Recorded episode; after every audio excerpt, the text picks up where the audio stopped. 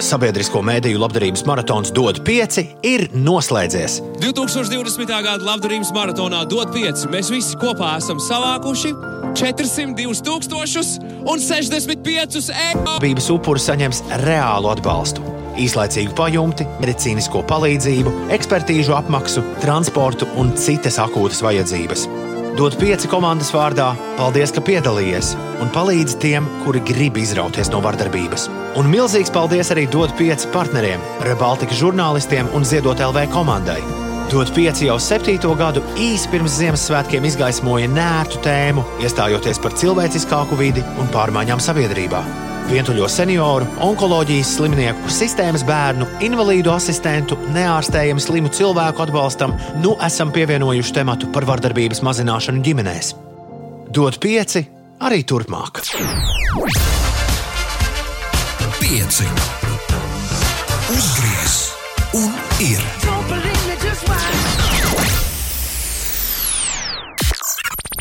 Grēviņš, Ziediņš un Puķeka 5 rīti. Eterā katru dienu starp 6 un 9. Lai teiktu mums visiem, labrīt!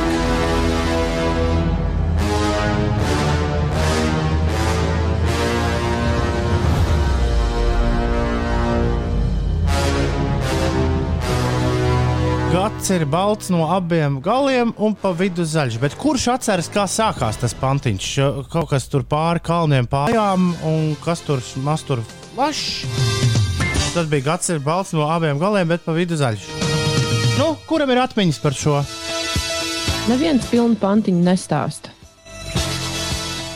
Tas ir Ai. ar vāciju par lauski. Gan ar stīgiem, gan ar saliem, gan ar lauskiem skaļš. Kas Bet ir to la- es arī. Bet, ja viņš ir pats lauskis, tad kāpēc viņš ar lauskiem skaļš? Nē, gads. Gan ar saliem, gan ar sniegiem, gan ar lauskiem skaļš. Gads ir balts no abiem galiem un pa vidu zaļš.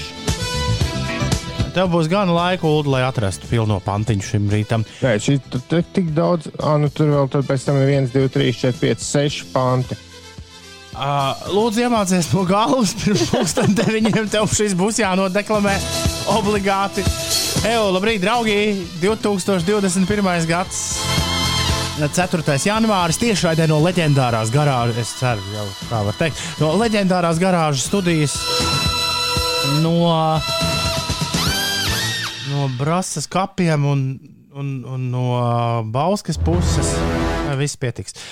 Uh, un no Bauskas puses pie jums ciemos dodas jā, tādā jaukā trīs slēgumā raidījums, kur joprojām sauc pieci rīti. Un kas var būt labāks kā atklāt gadu ar Beach Boys? Es esmu pārliecināts, ka abi divi mani eh, draugi Ines un Uldis man piekritīs, jo es sāku savā mājās gadu ar Beach Boys. Pirmā plata, ko es uzliku 2021. gadā, bija Beach Boys leģendārais Pet Sounds. Un nav nekādu, eh, gads iesākās tik labi, ka nav nekāda vajadzība sākt radio to savādāk. Tikšu. Nu, šī tāds Beach Boys ultimas dzirdējis bija. Nē, tāds uh, psihedēliskā laika kaut kāds viņu. Jā, tas ir no viņa slavenākā albuma. Tur ir vairāk tādi instrumentāli iegājieni starp nu, viņu falsetiem. Ir 5 minūtes pārpusdienas sešiem. Labrīt! Es uh, 1. janvāra mēdzu sākt, nu, bija kādus gadus, 4 vai 5 izlaidis. Sākt ar kinofilmas skatīšanos. He? Nevar būt, vai ne? Ir dzirdēts par cilvēkiem, kuri katru gadu 1. janvārī skatās, skatās jā, Jā, jaunas tradīcijas pirms kādiem desmit gadiem izdomāja, ka vajag katru gadu 1. janvārī skatīties to amerikāņu gabalu, ko sauc Breakfast at Tiffany's. Brokastis Tifānijā. Mēs noteikti par to esam kādreiz šeit runājuši. Bet uh, patiešām gadus 4-5 bija izlaidis šo, un brokastis Tifānijā atgriezās uz mana ekrāna 1. janvāra, nu jau vēlās, vēlās stundās, kas bija pirms Vēlams, viņi sazina, cik dienām jau viss ir sajūts. Bet uh, es pēc tam paskatījos, kas tur vēl tajā diskā iekšā. Un diskā vēl ir pilns ar visādām foršām dokumentālajām filmām par un ap uh, šo visu. Un arī par komponistu, kurš ir sarakstījis šo melodiju. Moon River. La, la, la. Visu mūžu šis komponists bija bijis Henrijs Mančīnī. Un tad es sāku skatīties to dokumentālo filmu, un visi viņi radi sasēduši ap galdu. Visi viens aiz otru viņu sauc par Henriju Mancīnī. Tā kā, lat, tā kā pilnīgi latviešu ar C teikt, Mancīnī. Kā tas var būt? Kā cilvēks var nodzīvot 38 gadus uz planētas ar Henriju Mancīnī, kurš pēkšņi izrādās ir Henrijs Mancīnī? Lūdzu, lūdzu, lūdzu, lūdzu. Nesaki, ka es savā mančīnī pasaulē esmu bijis viens visu šo laiku. Nu, bet ļoti dīvaini, jo itāļu uzvārdu es tikko skatos vairākus izrunas veidus, un to izrunāju man čīnī. Neviens cilvēks tajā uh, Breakfast at Tiffany's pieliktajā dokumentālajā filmā neteica man čīnī. Bet es domāju, tie bija varbūt itāļi, un tas bija viņa izruna, bet, bet pareizi ir man čīnī vienalga. Ja visi viņu sauc par mancīnī. Es domāju, ka tas ir viņu izrunas jautājums, nevis mūsu. Ah. Es palikšu pie Marčīnī un miers. Un Tātad, par spīti tam, ka viņu sauc par mancīnī, mēs turpinām saukt par mancīnī. Vai tas nav jauki? Tu noskaidro, ka kaut kas ir tomēr bijis savādāk uz pasaules, nekā tu biji iedomājies, bet izrādās, ka var turpināt dzīvot tieši tāpat kā agrāk. Nu, svarīgi vien uzzināt kaut ko jaunu. Vienalga, vai tas noder vai nē, vai ne? Jā. Prāta vētra gan pa šo svētku laiku tā mazāk bija dzirdēta, izņemot 31. decembrī, kad bija dota 5 top 100. Labrīt, piecīši, raksta Kārlis.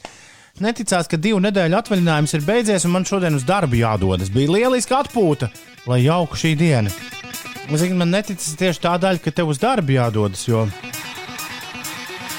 nu, jau pat tiem, kuri agrāk devās uz darbu, būtu jāsāk ar priekšniekiem kaut kā tā mājās sēdēšana pārunāt. Bet labi, Kārl, lai ir kā ir un lai veiksmīga diena.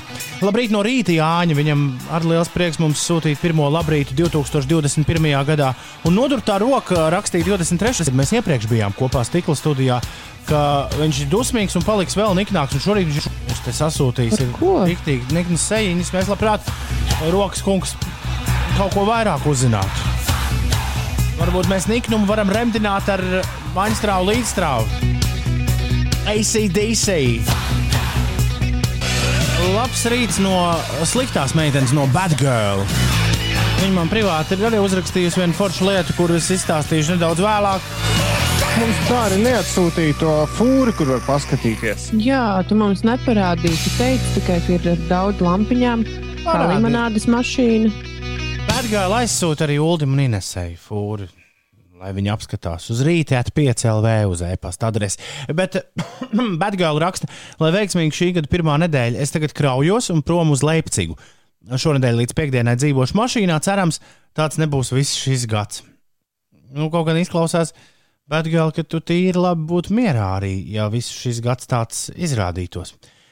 Un sveiciens jums no Alfrēda. Alfrēdam, acīm redzot, ir priekšapmaksas karte beigusies mobilajiem tālrunim, jo viņš man Facebookā raksta arī šorīt. Viņš raksta, labrīt, Tom, laimīgi tev jauno gadu veselību un prieku un draugu, lai netrūkst un lai vairāk skan sirdsky jauki vārdi, easy, yes, today.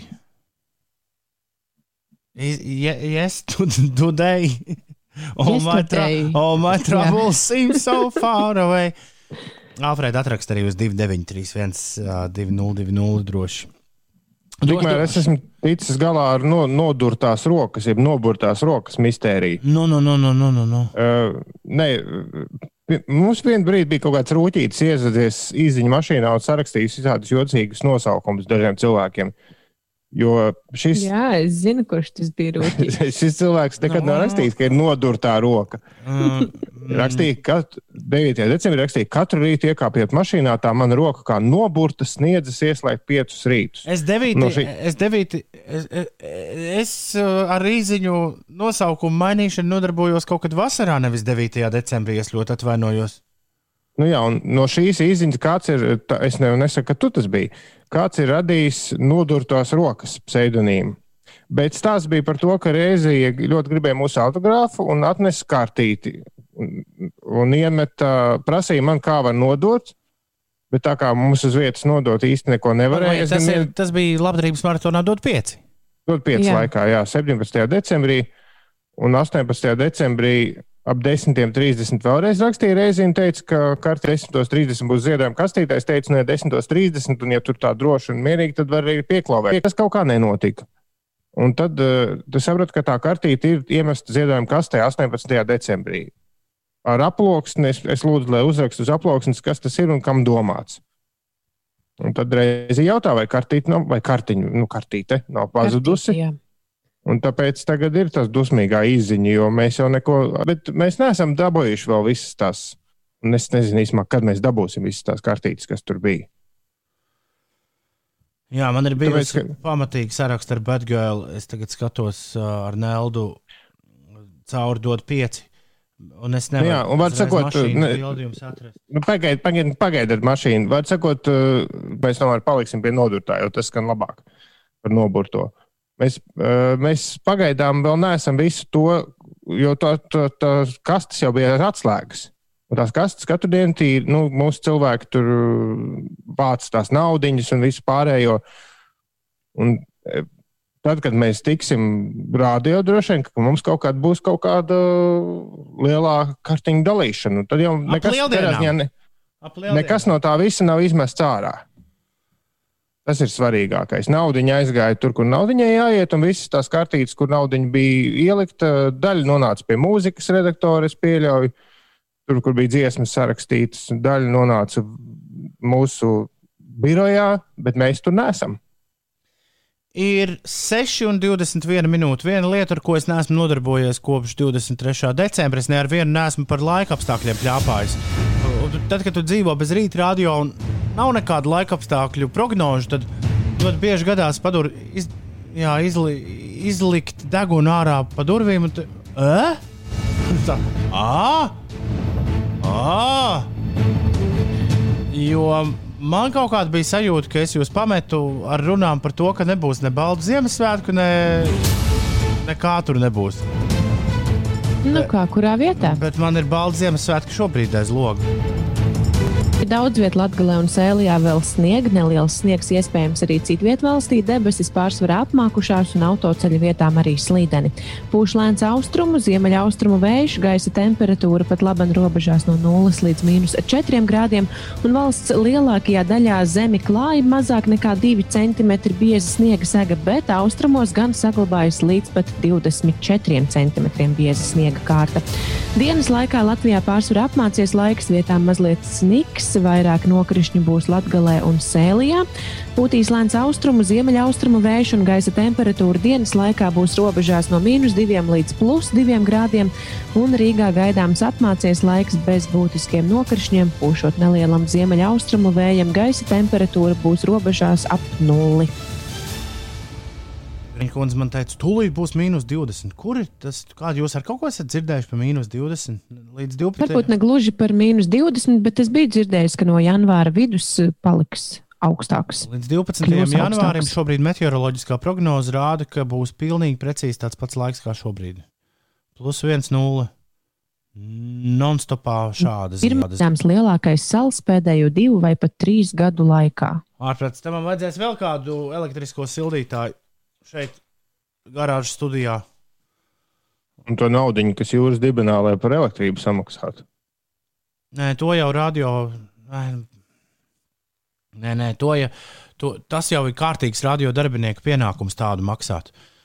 Uh, jā. Par būs iesp... augstāks par, par laiks un ēterā. dziļāks sniegs. Ir 20. Forši būs īsta ziema. Tā, kas tagad ir neskaitās, jā. Ja? Man liekas, ka īsti nē. Mūsu galā vismaz īsti nē. Man šķiet, ka visi slēpotāji ir gan priecīgi. Jā, es slēpotājus uz kalna arī redzēju. Tas gan. Labrīt, pieci rīti, ražani un sekmi nākamo gadu.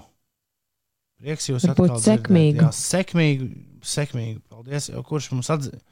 Tad es ceru, ka tad uzreiz arī, dārgais klausītāj, kurš nav parakstījies un Tieši šādu klausītāju dēļ es sāku reiz izdomāt klausītājiem vārdus pēc viņu anonīmajām izziņām. Bet es ceru, ka tu arī liksi mums atzīmes. Lūdzu, katru rītu, pulksten deviņos atsūti. Cik mēs esam nopelnījuši, lai, mēs, lai būtu skaidrs, vai tas gads beig, beigās būs sekmīgs vai nē. Uh, ah, tas ir taksists Dīdzis. Kurš ir nomainījis? Taksists Dīdzis nomainījis operatoru. Nu, op, numuru. Nu, jauns gads, jauns mm. numurs. Normāli. Es, es, es tad stāstīju, mūsu īziņa mašīnā, ja tu nomaini operatoru, arī pazūd visi dati. Ah. Tāpēc, ka nu, tur ir tajā brīdī, kad uh, operators uh, atdod numuru citam operatoram, tiek nodzēsta tur viss tā informācija. Nu, respektīvi, mums uzrodas jauns numurs, kurš jau ir bijis. Nu, Jā, ļoti interesanti. Mājasēdi pavadīju seriālu Kronis, skatoties, raksta taksists Dīdzis, bet tiku tikai līdz pusē, garš un garlaicīgs brīžiem. Mēs vairāk varējām kopā... mazliet saīsināt to seriālu. Jā, à, Ines, Ines noskatījās. Jā? Es esmu noskatījusies, jā. Nu, man arī sanāca viena seriāla diezgan ātri noskatīties šajās brīvdienās. Mm. Es esmu dzirdējis, ka Kronija uz, uz, uzsēžas uz priekšpēdējās sezonas un netiek tai pāri. Mm. Pirms princeses Diānas vēl. Mm. Nu, labi. Lai tā būtu.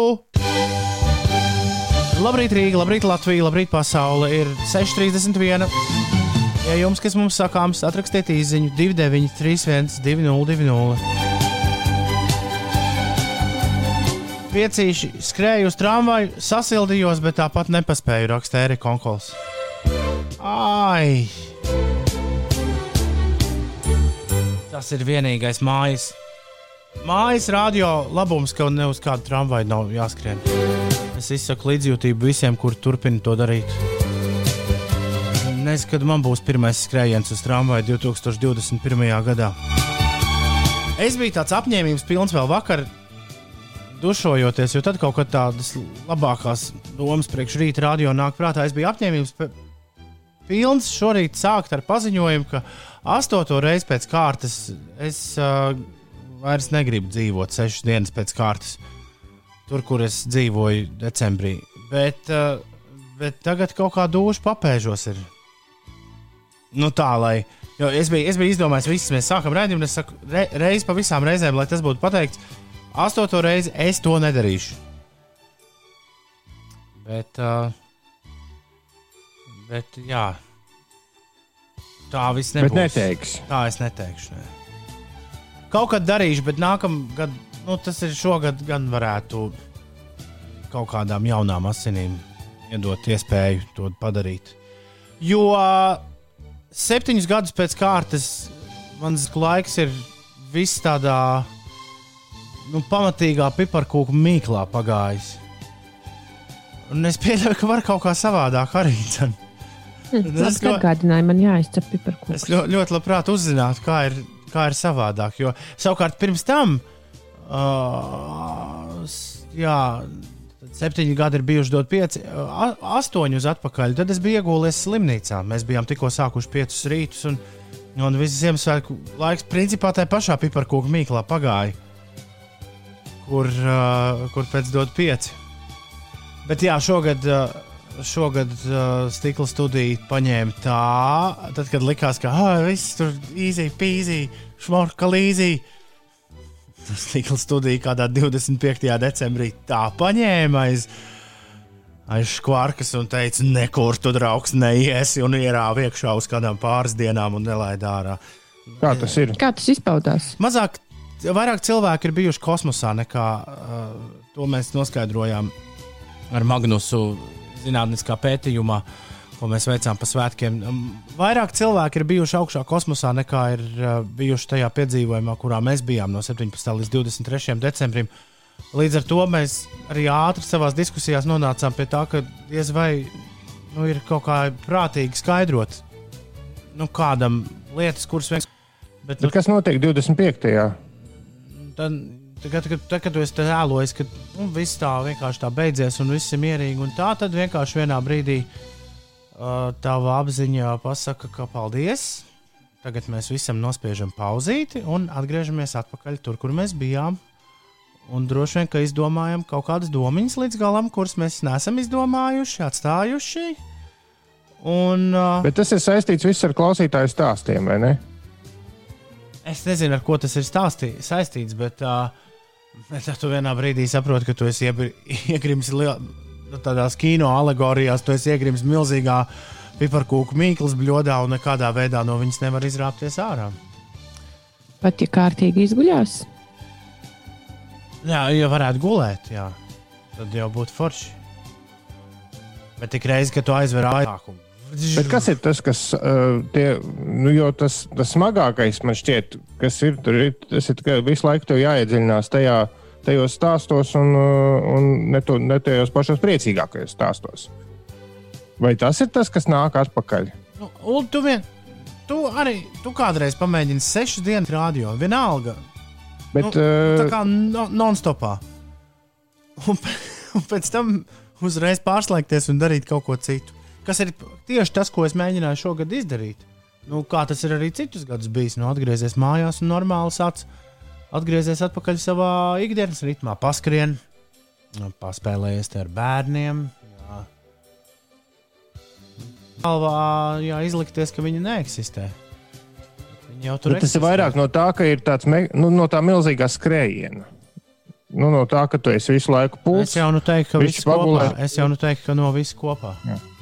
Ei, tas nav, ka šo piparkūku mīklu tu nevari izveidot. Tāpat kā piparkūku mīklu, tu nevari tikai no krustagliņām ne, sataisīt. Tev ir visam kopā jābūt oliņām, miltiem, rūlim, pēc tam ar ko izrūlēt. nu, jā, tas viss kaut kādu kopīgu sistēmu rada. Nu, jā, nu, katrā ziņā eh, viens, ko var pateikt droši, ka esot ārā, diez vai ir daudz citādāk un būtu. Jo nu, vismaz tie dīdžeji, kas ir bijuši iekšā, un pieci. Eh, es saprotu, nu, ir tā, ka tomēr mazliet jūs esat, šogad īpaši bija viegli, jo jūs bijāt mazliet nos no tā visa, kas notiek ārpusē. Tas, kas nebija viegli, bija tas, ka mēs ar Magnusu principā divi tā nopogājām raidījumu. Nu jā, bet tā bija, tā kā, tas jau bija tā izdomāts. Jā, jā, bet, Elīna, bet mēs jūs vismaz morāli atbalstījāt. Jā, jā, bet mēs nezinājām, kā tas būs. Nu, kā tas būs. Nu, jā. nu, katrā ziņā eh, piemin vārdus, ja tu tajā gadā, kad, kad beidzot būs jaunas asins un kad tu būsi ārpusē, nav ne sekundi vairāk laika, kā esot iekšpusē. Nē, es par to nešaubos, bet tu vari, jā. tu vari aiziet un vēl ir, kaut ko apēst. Un tas, un, un, un tas, ka un, tev ārpusē dod, nedod mieru, arī vienmēr sanāk aiziet kaut ko apēst. Nu jā, nu, ja? nav jau laika. Mm. Un, esot ārpusē, ir nāk vēl klāt vēl viens tāds moments, ka atšķirībā no jums, kas esat iekšā un esat tikai tajā maratonā, ārpusē, tu esi tikai maratonā, bet tev vēl nedod mieru visādas ārpus maratona lietas, kas nāk klāt. Nu, labi, tā ir neizdarība. To var sakārtot pirms, pirms maratona. Nu jā, bet, bet tu jau nevari ienākošos signālus visus izslēgt. Tas gan, bet tu domā, ka man kurjeris ir uz stikla studiju? Vēl tādi. Sveiki, pie... es tieši es aizgāju 9 no rīta gulēt 11. Sveiki, pievedām paciņu. Šo, šo gribētos, div, nu, tur viss ir, kur, labākajos kurjerdienas tos viss ir attīstīts līdz pēdējai, uh, līdz pēdējai niansē, bet kā pārforwardēt savu sūtījumu automātiski, kad tev paziņo, ka viņš tur ieradīsies, kā uzreiz viņu pārlikt, piemēram, uz, uz grēviņu kundzi, kur ir mājās. Uh, Jo, jo viss, kas bija jāizdara, vienkārši tā jau palika par tādu automātisku. Sveiki, šeit kurjers atvedām paciņu. Starp citu, es... ģeniāli. Nu, tā jau arī tava neizdarība varēja jau ātrāk visas tās lietas sapirkt. No, Ielikt telefonu, ne, dot citu kontakttelefonu. Tas ir neticami, kā internetu veikali ārzemju nostrādāja svētkos. Mēs 16. decembrī, dienu pirms es aizgāju uz stikla studiju, mēs vēl tādu pilnīgi neticīgi nospiedām uh, pasūtījumu pogu pēdējai dāvanai. Kur uh, 21. decembrī, man liekas, ieripoja mūsu sēdz, sēdz vidū. Es esmu dzirdējis visu kaut ko, un Ulim te bija laikam arī stāsts par latviešu internetu veikaliem. Bet nu, tas, kā nostrādāja uh, Šmežoša ja, kunga kantors, uh, es neko tādu savā dzīvē neesmu piedzīvojis, kā tas bija šajos Ziemassvētkos. Viss laikā perfekti, precīzi. Pum, pum, pum, pum, pum, pum. Evo ir jau bez 27. Kā tas parasti ir, kā tas parasti ir no garāžas, baigi labi runājis. Baigi labi runājis. Inesai arī labi runājis. Ines, pastāst, kas no Mēs uh, iepriekšējā ziņu izgājienā aizmirsām pieminēt vienu būtisku lietu. Šodien pulksten 5 no rīta noslēgmais komandas stundas periods, kad, kas tomēr atsāksies arī šīs eh, nedēļas nogales laikā. Un eh, aizvadītajās brīvdienās ikvienam no mums bija jāatrodas dzīves vietā naktas laikā no pulksten 10 vakarā līdz 5 no rīta. Un šajā laikā policisti ir pārbaudījuši vairāk nekā 19,000 personas. Veicot komandas stundas eh, kontrolas pienākumus, likumsargi vairāk kārt ir piemērojuši maksimālo sodu - 2000 eiro. Tāpat virknē gadījumu iedzīvotāji pārkāpjot ierobežojumus ir izrādījuši pretošanos policistiem, tostarp fiziski ietekmējot kārtības sargus. Nu, Šiem cilvēkiem brīvdienas galīgi nav bijušas tās eh, vieglas. Vēl interesanta lieta brīvdienās vakar no rīta Somijas dienvidu pilsētā Kovulā ir notikušas desmit vieglas zemestrīces, tā ziņo Helsinku Universitātes seismoloģijas institūts. Tas patiesībā nav nekas uh, jauns. Kā es uzzināju, jau kopš 2011. gada Kovulā katru gadu tiek fiksētas desmitiem zemestrīču. No tām vairums parasti notikušas nemanītas, bet, nu, redz, kā mums tik tuvu tās zemestrīces arī notiek. Kā tāds jaunā gada salūta atblāzums šajā rītā, The Avalanches. Brīnišķīgais salūta albums, nu savādāk jau to nemaz nenosauks. Uh, jā, kurš iznāca pērnā gada pašās, pašās beigās. We will always love you ir tā nosaukums. Interstellar love no tā. 6,45. Man šķiet, ka vienīgais sapnis, kas man bija par šī rīta ēteru, bija uh, tas, ka uh, nebija pirmdiena, bet bija atkal kāda cita diena. Tā mēdz būt, ka nu, gadu, gados, kad mēs esam gaisā 2. janvārī, ka mēs pēkšņi esam kaut kādā trešdienā vai, vai ceturtdienā. Bet uh, šogad kaut kā tā diezgan loģiski viss. Mēs sākam gadu pirmdienas rītā, un, un, un pirmdienas rīts ir tieši tāds rīts, kāds viņš ir. Un tieši tāds, kāds viņš ir pēc svētkiem. Visi ir gulējuši precīzi pāris stundas. Var bija kaut kāds sapnis par radio, bet vai tas ir izstāstāms 20 sekundēs? Kāpēc tik ātri gribētu tas jautāt, bet 20 sekundes jau būs pagājušas? Jā, 20 sekundes ir garām. Es beidzot, nu labi, tad nestāstīšu. Kā tu viņu sapņoji? Kaut kad pagājušā gada nogalē. À, tas ir vecā, Nē, es- vecā gada sapnis. Es, es beidzot sapratu, kas ir mans, uh, labi, pa, vienalga 20 sekundēm. Beidzot sapratu, ka mans, uh, nu, dīdžejam ir tas slavenais murgs, ka tev nestrādā pogas vai ka tu nevari aizsniegt.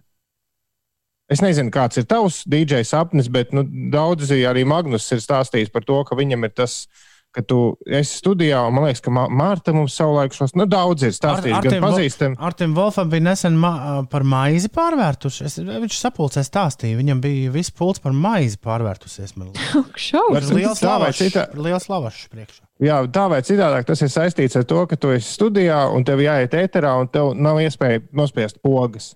Es nezinu, vai tev tā ir bijis, bet, bet to es Man tā ir katru daudz- rītu. Tagad. kā sapnis. Īstenībā. Nu, tad vēl trakāk. Šausmas, briesmīgi.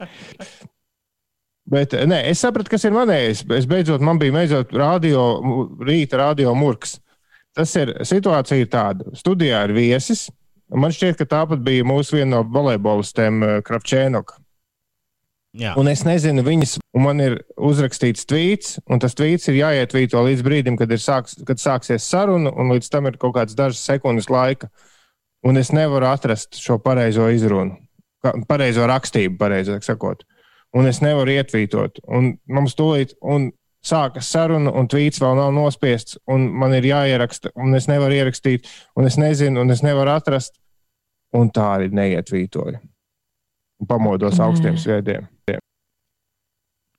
Wow.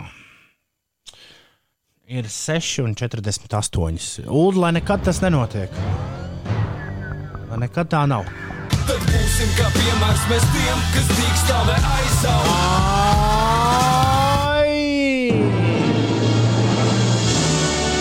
Laika mašīnā. Tas bija kādus divus vai trīs gadus atpakaļ, kad es mēģināju laika mašīnu nedaudz pamainīt, pamainīt tās tās darbošanos. pērnā gada sākumā. Nē, tas bija senāk. Tas bija senāk. Un tad eh, es tiku izšvilpts vienā, vienā švilpienā. Es pamēģināšu uztaisīt šonadēļ tikai uztaisīt laika mašīnu 3.0. Nu, jo 2.0 pilnīgi izgāzās. Un Tāpēc mēs atgriezāmies atpakaļ pie eh, 1.0, kur visi min gadu, klausoties dažādas dziesmas. Bet uh, vismaz šonadēļ ir gada sākums. Var, var iemēģināt visādas jaunas lietas. Te var atvedīs kāds darbā. Ja tev ir vēl darbs, kur jāiet uz darbu, kāds arī atvedīs, piemēram, jaunu kafijas automātu. O, mēs tagad dzersim šitādu. Nedēļa padzers, tur specifiskāku kaut kādu tējas kanniņu. Nedēļa padarbosies, pēc tam apniks droši vien. Bet varbūt neapniks, varbūt tā ir lieliska ideja, un šo lielisko ideju dēļ vienmēr ir vērts kaut ko jaunu pamēģināt. Laika mašīna 3.0, Ines un Ulu jāmin jaunajā laika mašīnā izpildītāji. Jā, Nē. jā, ir jānoliek nost tāpat kā iepriekšējā laika mašīnā. Šāzāmi, Google un viss pārējais, un jāmin ir izpildītājs. Jo es atskaņoju dziesmu, un izpildītājs nav zināms. Man Nu, Labi, Ines, es pozitīvi. Es mēģinu atrast, kad bija tā otrā versija, bet nevaru pagaidām neizdodas. Laika mašīna 3.0. Es jums spēlēšu kādu leģendāru skaņdarbu, bet jautājums, vai jūs atceraties, kā sauc izpildītāju? Kā, kas tas bija, kas to dziedāja?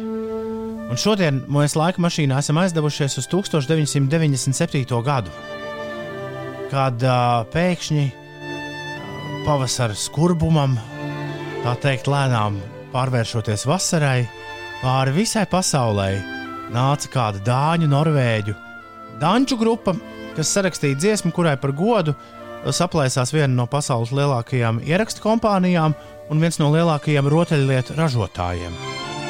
Nu, it kā uz disciņa bija uzrakstījuši jaunieši, ka šī dziesma nav par uh, konkrētu rotaļu, sociāls komentārs par to, kā sabiedrība uzvedas. Bet, nu, vienalga, tur dabūja pakasīties dziesmas dēļ nedaudz advokāti, bet ne pie kāda loģiska risinājuma viņi kasoties nenonāca. Tas arī mans vēlējums tev, dārgais klausītāj, 2020. gadā mazāk kasīties, bet vairāk sociāli komentēt. Vai kaut kā tā, jums ir jānosauc, kas izpilda šo dziesmu.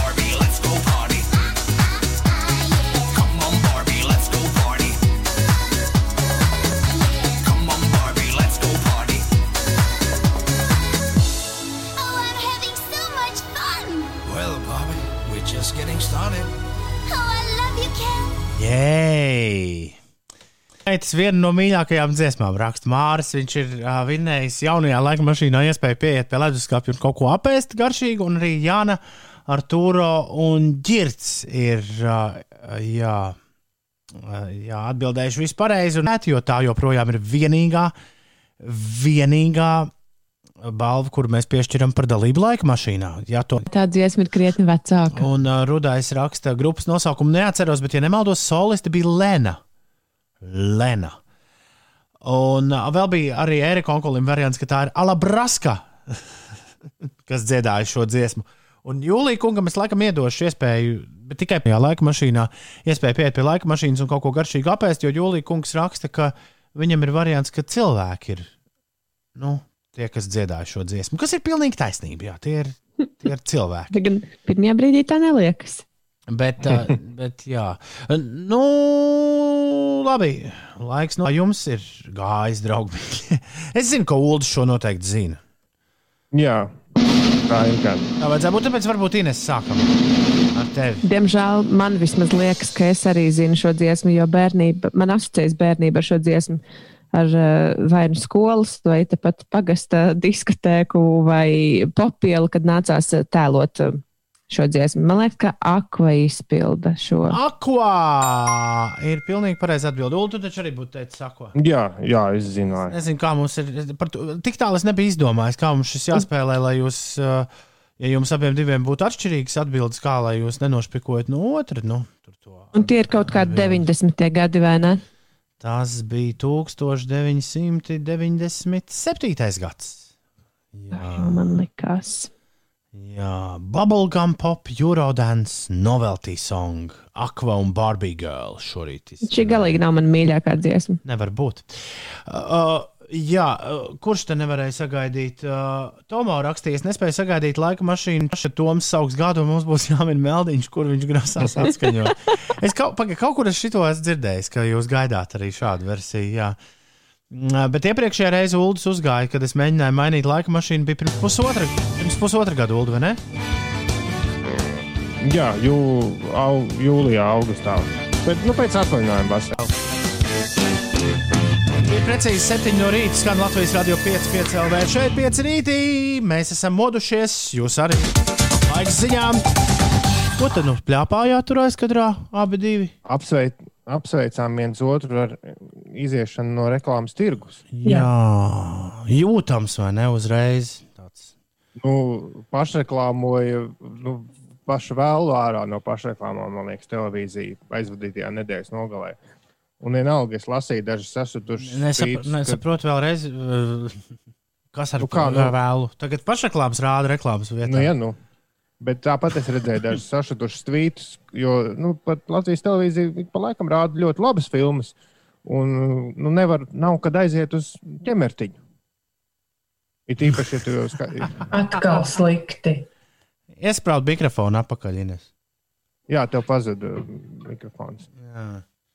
Uh, es gribēju par citu re, kur Dīdzis taksists raksta, ka skatoties Raimonda Paula vecgadu koncertu, bija interesanti redzēt Tomu jaunībā, stāstot par dodu 5 stacijas laukumā 2016. gadā. Jā, Dīdzi taksists, neviens no mums jaunāks nepaliek. Mēs te visi kopā novecojam agrās rīta stundās. Bet, uh, toties, manā gadījumā vismaz Ziemassvētku dāvanas gan paliek labākas. Šai sakarā es gribēju arī noskaidrot, ko Ulas un Inês ir dabūjis Ziemassvētkos, dabūjuši Ziemassvētkos. Bet Jū, nu, man liekas, ka lielākā dāvana tomēr ir tā, ka jūs esat ievērojuši, ka nu, es, es, protams, nevaru neko apgalvot par citiem, bet, bet nu, reti kurš cilvēks pirms dažiem gadiem iepriekš izskatās labāk nekā tagad. Ok, un Nu, jā, Un nu, tas tu arī esi tas cilvēks vai kā? Nē, nu es gan par sevi, gan par citiem, ko es redzu, secinu, ka jā, tiešām gandrīz visiem gadi nāk par labu. paldies, Tas laikam, tā- tas laikam tāds vecums. Paldies. Nē, es, es. Bet es, dabu, bet, bet es dabūju smaržas un, un simbolismu Baltijas valstu mākslā katalogu. Divas lietas, kuras man turpinās sildīt cauri 2021. gadam. Es atcerieties, es, ap, es saplēsu smaržas pašā pandēmijas sākumā, un es nodzīvoju visu 2020. gadu bez normālām smaržām. Jo kur tad viņi pērk? Viņi pērk lidostā. Mm. Lidostā vairs tu neko nedari. Viss cauri. Nu, kā kurš? Labi, jūs teiksiet, ko jūs saņēmāt, vai mēs dodamies tālāk? Trīs, divi. Es viens. saņēmu daudz našķus. Un jau praktiski visus esmu apēdusi. Tas nav bijusi labākā ideja. Par laimi ir sanācis arī paskraidīt mazliet vairāk nekā ierasts ikdienā. Nu, es arī esmu saņēmis atpakaļ visu to svaru, ko zaudēju dot pieci laikā. Apsveicam! Apsveicam no visas sirds! Ir 9 minūtes pār septiņiem. Ja kāds saņēma labākas dāvanas par ulu, padodiet ziņu 293, 202. Laimīgi jauno gadu! Prieks jūs dzirdēt atkal ierastajās rīta stundās. Paldies par maratonu! Lika aizdomāties, tiešām jaudīgs bija. Paldies, Pēter, ka to klausījies! Un paldies visiem, kas ir modušies jaunam darba cēlienam, tā teikt. Šodien Ilvai, Ilvitai un Spodrai vārdu svētki. Labrīt, Ilvā, labrīt, Ilvita, labrīt, Spodrā. Lai jums jauka diena! Tikai diviem ārzemju vīriem šodien dzimšanas dienas, bet toties kādiem no Rāmsteina, Tilam Lindemanim ir uh, solistam.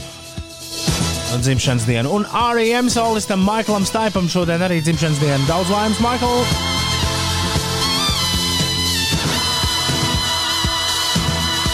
Es domāju, ko Jā, Maiklam Staipam no, ko viņam novēlēt, bet ja pēc tā, ko Ulris teica, ka, nu, tad jāsaka tā, Maikl, jau, jaunāks neviens nepaliek, jā, bet, uh, bet toties uh, labāk izskatās gan, un tad to pašu arī vēlam Maiklam Staipam. Labrīt, visapkārt cēlies augšā. Inês pastāst mums, kas notiek, kas mums jāzina.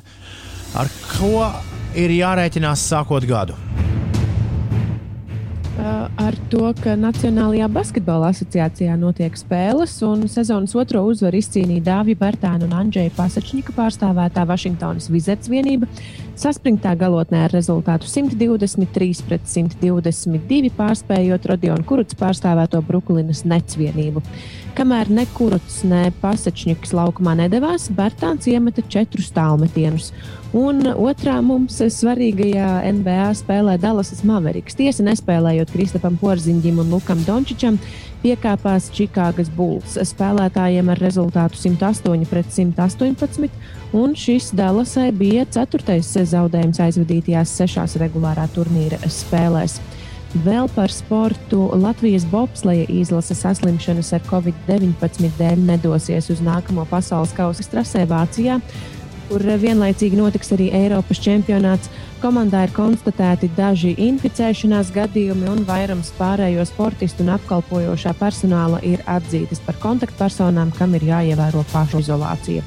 Un vēl KHL vienība Rīgas Dienāmo savā laukumā jauno gadu uzsāks ar dueli ar Mas Es varētu katru rītu rakstīt pa dzējolim. Nu, 2021. gadā tas varētu būt labs izaicinājums. Nu, šorīt man sanāca, nu pat, eh, bet man ir divi, divas versijas. Tev vienas jāpasaka, kur ir labāka. Eh, Īsais, tāds haiku tipa. Pa sniegotu taku pēc tējas es eju, ar tēju pa sniegu pie tevis atpakaļ eju, lai sāktu šo rīta dēļu. Tas ir vien, viens variants. Un otrs mm. variants ir pa sniegotu taku pēc tējas es eju, ar tēju pa sniegu pie tevis es nāku, lai rītu kopā sāktu. Abi diezgan līdzīgi. Nevar Tur būt. Tādas dažas nianses tikai Nevar, atšķiras. nevar būt. Bet es, bet es sapratu, ka es biju mājās pēc Es tējas. biju ja. pēc tējas. Ui. Es savācu tējas aparātu no Dotasiem, kurš patiesībā ir mans tējas aparāts. Viņš tikai bija kaut kā ieziemojis. Dod pieci arhīvos uz vairākiem gadiem. Kāds ir tavs tējas aparāts? Tējas aparāts, tējas aparāts nozīmē, ka viņš uztais normālu tēju, nevis jādzer no maisiņiem. Ah. Es eh, šorīt esmu paņēmusi līdzi termosu. Kaitina, ka trīs stundu laikā atdziest tēja vai kafija. Jā. Garš tas rīta raidījums. Nevarēja būt īsāks. Ir eh, 7,22 minūtes pareizais laiks. Ar tēju un Arjānu Grandi pie tevis es nāku, lai dienu sāktu. Labrīt, ne tikai Ulim un Inesai, bet arī Andrejam Siliņam, mūsu podkāstu vīram. Labrīt, Andrej, daudz laimes jaunajā gadā, lai daudz labu podkāstu, bla, bla, bla. bla, bla, bla. Labrīt! un viss. Kaut kādā, ziņ, kaut kādā ziņā mūsu rubrika jau ir kļuvusi, nu, guvusi panākumus, jo Ines ir salūzusi uz podkāstiem. Nu, stāstīju. Nav tā, ka esmu salūzusi. Es vienmēr esmu gribējusi paklausīties podkāstu, jo liekas, ka tur uh, gudra un nodrošina. Nu, varējusi atrast to laiku, jo man liekas, ka podkāstām tev ir jāvelta uzmanība, lai būtu kaut kāda jēga no tā, ka tu klausies. Un tas nevar būt tā kā mūzika klausīties fonā. Un tad nu, es šajās Ziemassvētku brīvdienās esmu atradusi vismaz vienu latviešu podkāstu, kur eh, man patīk sarunas, un es esmu gatava ar kājām iet uz eh, radio māju, tad, kad man tur ir jābūt un klausīties šo podkāstu. Tāpēc man sanāk, piemēram, vienu epizodi klausīties trīs dienas, piemēram. Mans vēlējums būtu, jo es par to tā vakar aizdomājos par podkāstiem, domājot, nu, visforšāk būtu, ja tā sajūta par radio nu, paliktu kopā ar radio arī podkāstus klausoties. Es nezinu, vai jūs noķerat, ko es mēģinu teikt. Bet priekš manis podkāsts ir tas pats radio. Nu, kā nu piespied play un kāds runā? Nu? Nu, Jā, bet, bet podkāstā tu pats esi atradis, ko tu gribi. Radio Jā. runā to, ko. Tas jau, ko... bet es, piemēram, jau 20 gadus klausos par radio tikai to, ko es gribu dzirdēt. Nu, jā, jo radio tomēr ir nejauši gadījuma rakstura attiecības. Podkāsts ir apzināti. Bet uh, par to, ko mēs šodien parunāsim, tas ir tieši radio uzvedināja mani uz šodienas tēmu. Jo nedēļas nogalē klausījos lielu skanšu pavasara raidījumu dzīves ritmu mūzikā. Viņš stāstīja par Marvinu Geju un iedomājās, šu, šis būtu ideāls podkāsts, bet ir problēmiņa. Tur ir ik pēc dažām minūtēm ir dziesma. Un tad Andrejs varbūt varētu pastāstīt mazliet, vai, ja es taisu savu podkāstu, es drīkstu tur likt dziesmas.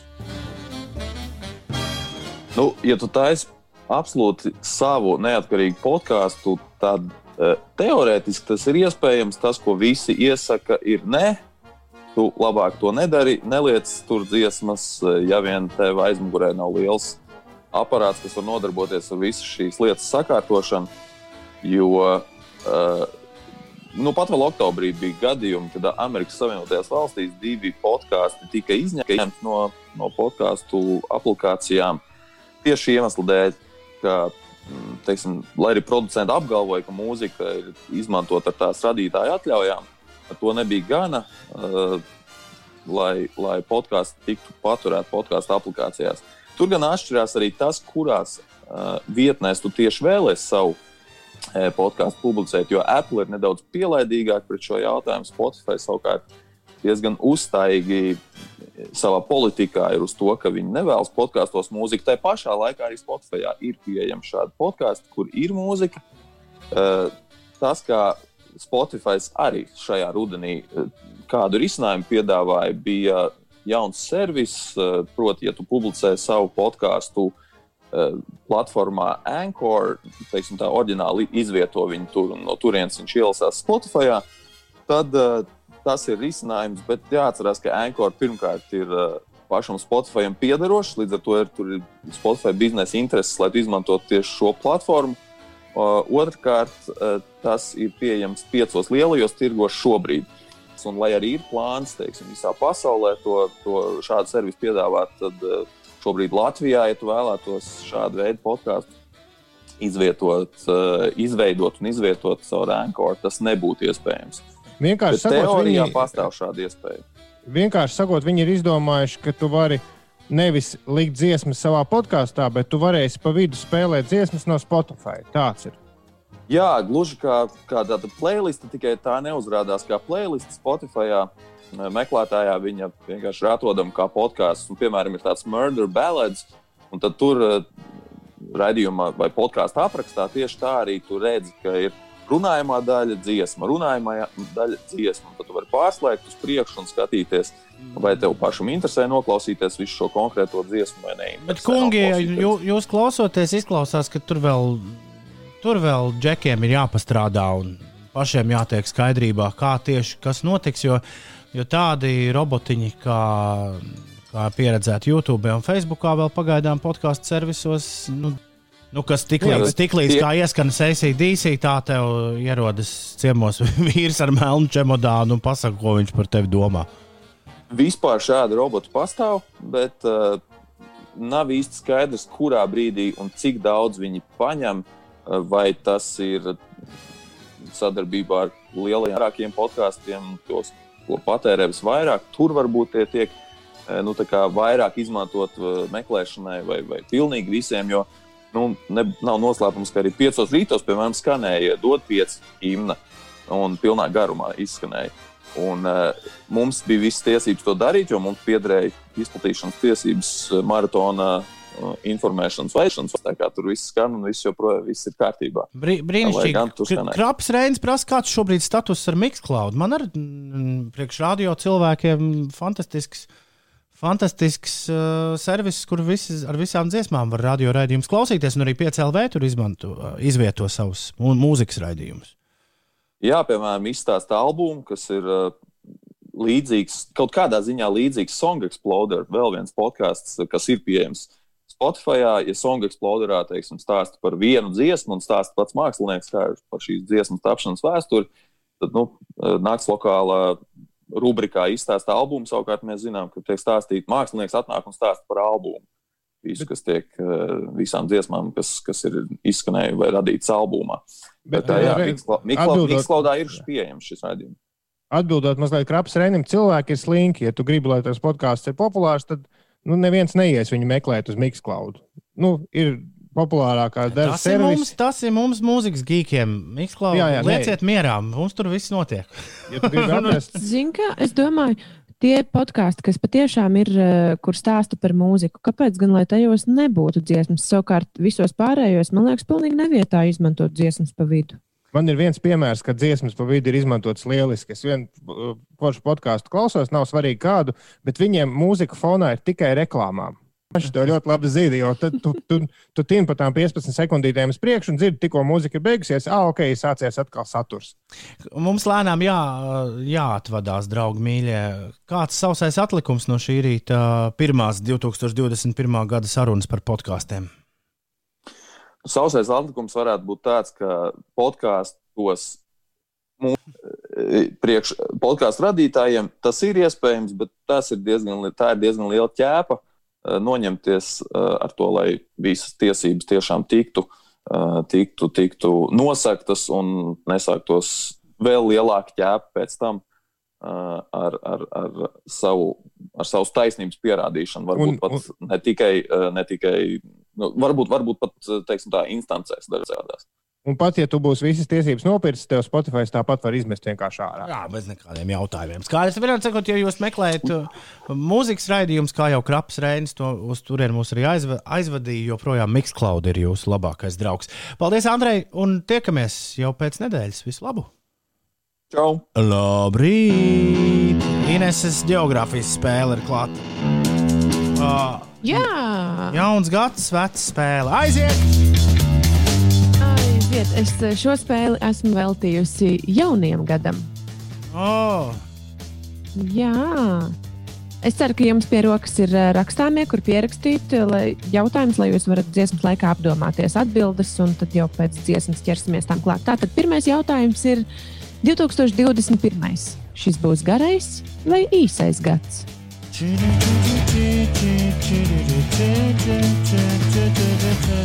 ir vieglais jautājums, manuprāt. Tā, otrais jautājums. Kuras bija, jeb katru gadu, kuras ir tās pirmās, pašas, pašas pirmās valstis, kas sagaida jauno gadu? Uh, pašas pirmās. Jā. Es, es nojaušu, ka jūs zinat tā, tās lielākās valstis, jā. bet pirms šīm lielākajām ir arī tādas maziņākas valstiņas. Jā. jā, kas? kas? Novrūs, Novrūs. Tā jauno gadu sauc Irānā. Un to nesvin 1. janvārī, kad Irānā būs jaunais gads. Novrūs. Nosauciet datumu, kad Irānā svin jauno gadu. Okay. Un, Ceturtais jautājums. Kurā valstī svin vairākus jaunos gadus? Jeb šo teju katrā, katrā gada laikā ir savs jaunais gads šajā valstī. Jā, labi, laba doma. Ļoti labs jautājums. Un, un pēdējais jautājums. Pēdējais kura jautājums. valsts jauno gadu svin laika posmā no 21. līdz uh, no 21. janvāra līdz 21. februārim. Katru gadu šis datums mainās, bet šis laika posms ir viens un tas pats. Kurā valstī šajā laika posmā svin jauno gadu. Mēnesis svin jauno gadu. Nē, ir viens konkrēts datums. Ah. Tas katru gadu mainās, bet nu, tas laika periods, kad šis datums iekrīt, ir no 21. janvāra līdz 1. februārim. Ok, labi. labi. Meklēsim rokā pareizo atbildi. Un tagad, dāmas un kungi, Ines izstāstīs, kas notiek, un tad būs tā slavenā dziesma, kuras laikā mēs apdomāsimies. Jā, ir 7,39. Pūksteni 5 no rīta ir noslēdzies 30. decembrī ieviestais pirmais komandas stundas periods, kas atkal aksā, atsāksies e, šīs nedēļas nogalē. Aizvadītajās brīvdienās ikvienam no mums bija jāatrodas dzīves vietā naktas laikā no 10. vakarā līdz 5. no rīta. Šodien 7. līdz 12. klašu skolēniem visā Latvijā atsākas mācības. Tiesa tās notiks attālināti.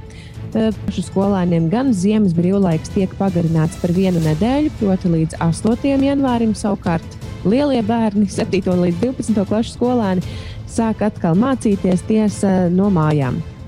Šodien Latvijā būs pārsvarā apmācies laiks, vietām mazliet sniks, vairāk nokrišņu būs Latvijā un Sēlijā. Pūtīs lēns austrumu, ziemeļaustrumu vējš, gaisa temperatūra paaugstināsies līdz mīnus 2,2 grādiem. Rīgā gaidāms apmācies laiks bez būtiskiem nokrišņiem, pošot nelielam ziemeļaustrumu vējam. Gaisa temperatūra galvaspilsētā būs ap nulli. Un vietām kurzemē un latgalē ir apledojums, kas apgrūtina braukšanu pa galvenajiem un arī reģionāliem autoceļiem. Reģionālajie autoceļi apledojuši Bauskas, Daugaupils, Dobelas, Gulbenes, Krāslavas un Liepājas apkaimēs.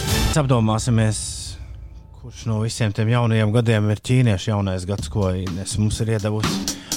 To mēs padomāsim par to. Viņš dzied par sweater, bet dziesmu viņš sauc sweater weather. Tam, kas tas par tādu sweater vezeri, lai būtu? Es esmu apjūts. Tas ir laikapstākļu džemperītis. Nu, Kad vajag džemperi, jā. Ah, sweater weather. Viņš dzied sweater, vai ne? Viņš dzied par sweater, bet. Ah, Bet dziesmu, dziesmu nesauc sweater. Sweater viņu saukt, ja būtu ar diviem e-burtiem, vai ne? Viņus, Jā. ja ir EA, tad viņi. Nu, labi, vismaz kaut ko 21. gadam iesākoties. Diskžokais būs iemācījies. Sweater weather, tie bija The Neighborhood. Sviedrains džemperis sanāk, jā? 7,45 minūtēs. Nu, kas tas ir? Es neesmu atšifrējis, kurā brīdī man fona mūzika sāk skanēt no sākuma, kurā brīdī no beigām. Es ar šo nocīnījos veselu nedēļu. Atpakaļ gaitā. Labi, ka dziesmas nesāks no beigām. Tas būtu tas būt briesmīgāk. Jā. Es ar šo cīnījos visu to. Anyway, the wind goes. Pš, aizsies kā ramuši. Es ar šo cīnījos kopš ieslēdzos garāžas studijā, kas bija decembrā sākumā, vai ne? Un tagad neplānoju no šejienes slēgties ārā, jo man īstenībā bail ir no tā, kas tur ārā notiek. Un es ļoti brīnos par tiem cilvēkiem, kuriem nav. Viņam 46, bet tagad par citu tu- tēmu mums jārunā, jo Ines geogrāfijas spēlē laiks ir atbildēm. Jā, pirmais jautājums bija par to, kāds tad būs šis gads, garais vai īsais? Kuram ir jāatbild? Tavuprāt, Ko man jāsāk? īsais, garāks par iepriekšējo, neviens nevar būt vairāk. Pagājušais bija garais, jā? Bet es zinu, ka ir īsais.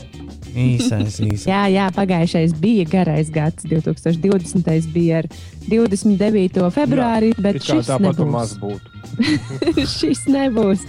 Šis būs īsais gads. Abiem diviem pa punktam. Jē, Šis otrais jautājums man ļoti interesē, ko jūs būsiet atbildējuši.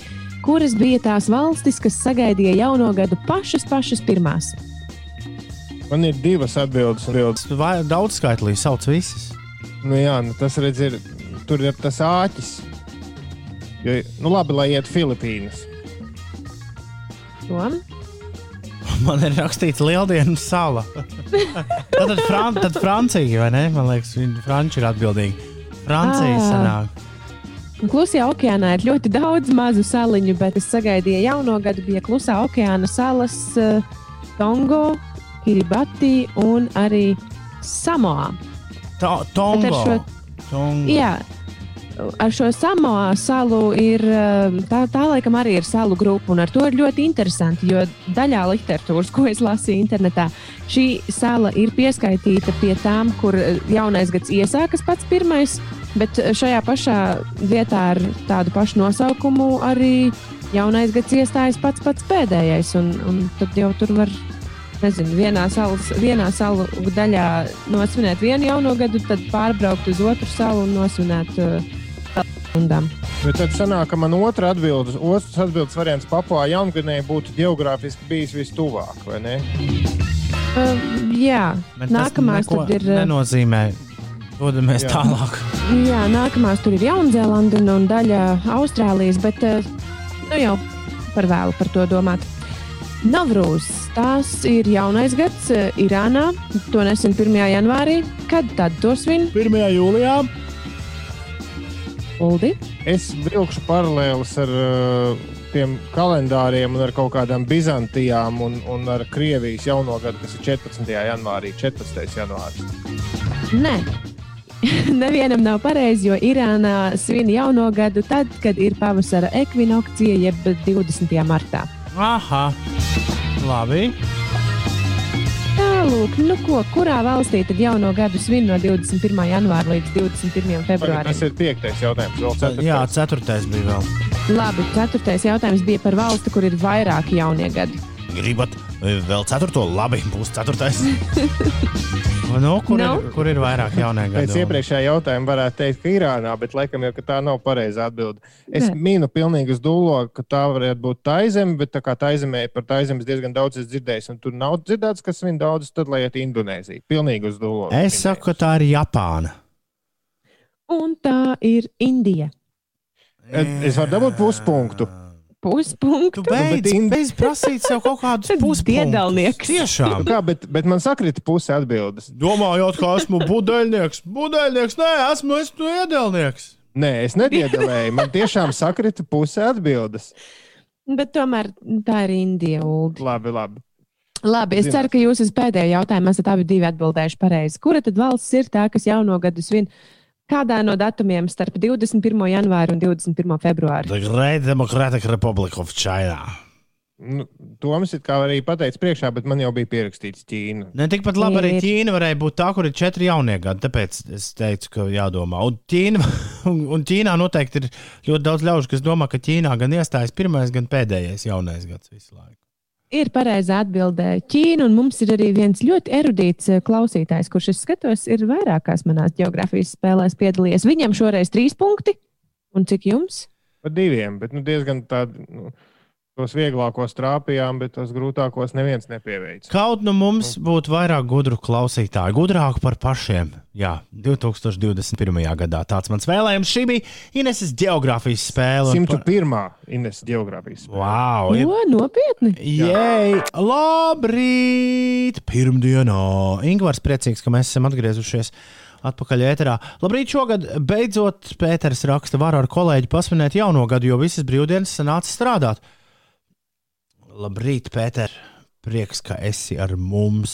Ja vēl kāds ir pamodies un ir ar mums, padodiet ziņu 293, 202, 293, 202. Kā tev gadījās, Ulu, pie jauna telefona tikt pa svētkiem? Ui, tā, tā, tā bija vesela epopēja, jo es pie telefona tiku uh, stundu pirms dot pieci finālu. O, Tur bija ļoti īsts brīdis, kurā es vienkārši visiem maisījos pa kājām. un Tajā rītā man piezvanīja, saka, ziniet, mums tur bija ar kurjeru. Es biju nu, garš stāsts, bet, var sakot, telefons ir veikalā, jāiet pakaļ. Un man tas uh, līgums ir tāds, ka man ir obligāti jāatdod vecais telefons, lai saņemtu jauno. Bet vai, vai, vai, es, vai es esmu gatavs gaidīt pēc svētku darba dienas? Protams, ja zini, ka, ta- ka tas telefons ir jau atnācis. Un, un, ja kāds domā, ka es te naudā peldos, tad nē, man summa par maksājumu vispār nemainās. Vienkārši nomaini jaunu telefonu.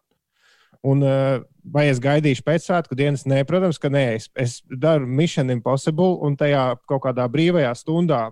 Pirms dod pieci fināls, skrien pēc sava jaunā telefona. Labi zinot, ka es atdošu veco, nebūs laika tur neko atjaunot. Man nebūs neviena, nu, būs pilnīgs ārprāts. Un tieši tā arī bija. Un smagākais, ko es izdarīju, es pazaudēju visus WhatsApp sarakstus. Jo es izrādījos, ka WhatsApp nebija kaut kur uh, iesinhronizējis. jā.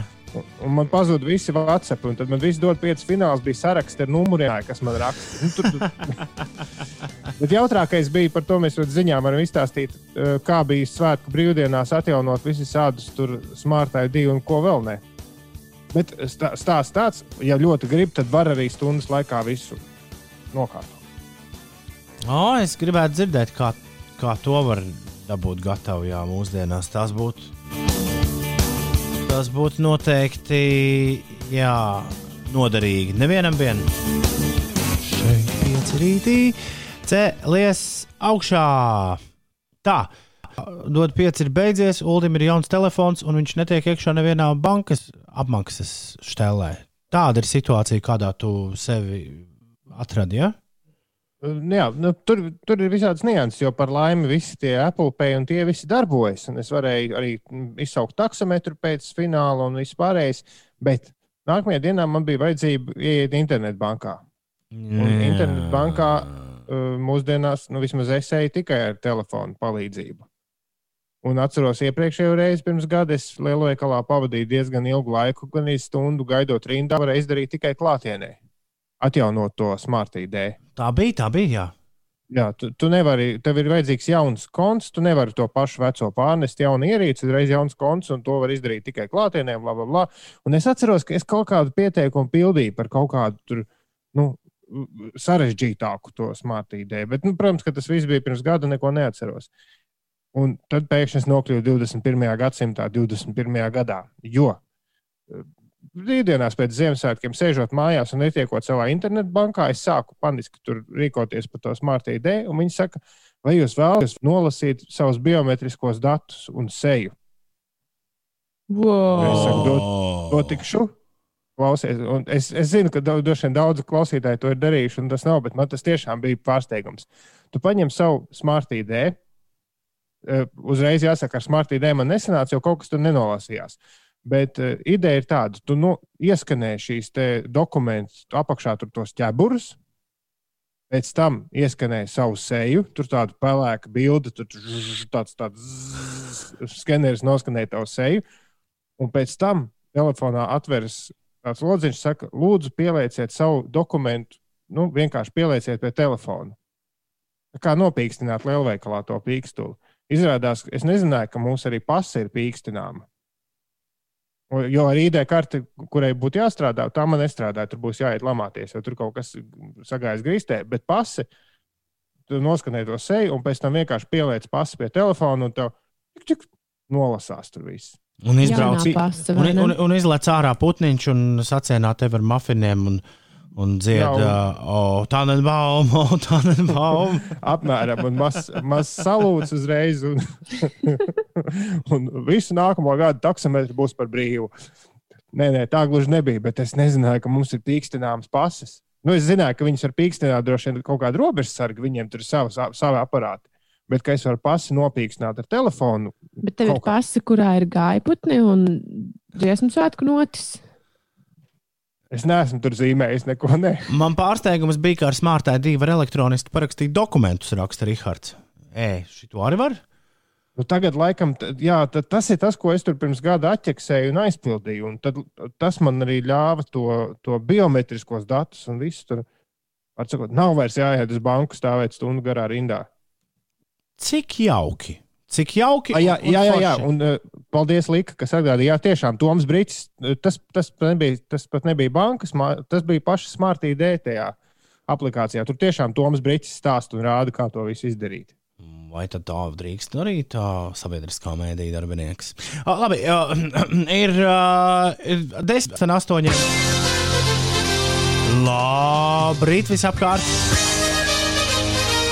Cēlies, vēlies! Jā. Jāpiekrīt Rēglim no Liepājas ezera, kurš raksta, ja dzird piecus rītus, tad tikai sācies jaunais gads. Paldies jums visai komandai, kur ceļas un palīdz uzsākt darba dienu ar prieku. Nav par ko, Ērgļa kungs, nav par ko. Aģents nesvētku dienas pagājušas, pagaidiet, tev vēl pa maz bija. Šoreiz jau nu gan bija, man liekas, kaut kāds rekordskaits. Sajūta Aģentam, kāpēc atvaļinājumu, bet prieks mūs dzirdēt. Paldies, Aģent. Mēs arī katrs esam te pāris stundas tikai gulējuši. Tas normāli. Pāris dienas un būs apakaļ režīmā. Mārcis raksta, ka draudzene vakar rādīja Ineses storiju bildi Facebook, un pēc tam redzēju labu sapni, ka Ines ir gaidībās un ētrā pasaka, ka dzemdības būs mežā, jo slimnīcās ir Covid. Toms atbalstīja, bet Uldis bija pret. Labs sapnis! Jā, man liekas, ka tieši es pilnīgi dzirdu jau Uldi jā, savā domās, kurš saka, nē, nu, jā, bet nu, varbūt tomēr, nu, zin kā mediķi. Un... Nē, Ines, dodies vien uz mežu, dodies uz mežu. Ārprāts. Kādas tik ātri cilvēki redz? Ej, ej, ej, te jau dzied meitene. Ir uh, 8, 11. Labrīt. Nē, nebūs mini Ines. Ivo, nomierinies. Tas bija sapnis. Uh, pie tam uh, Pie tam ne manējais. Jā, un in, Bet, ja tam, kāpēc mini Ines? Man, man liekas, Inesē diezgan kaut kā uzreiz liekas, ka tev būs puika. lieliski. Ne, vienkārši, Wow! vienkārši varēja. Nē, nē, kurš, kurš, kurš, ja kāds ieslēdz šobrīd rādījā, tas bija sapnis.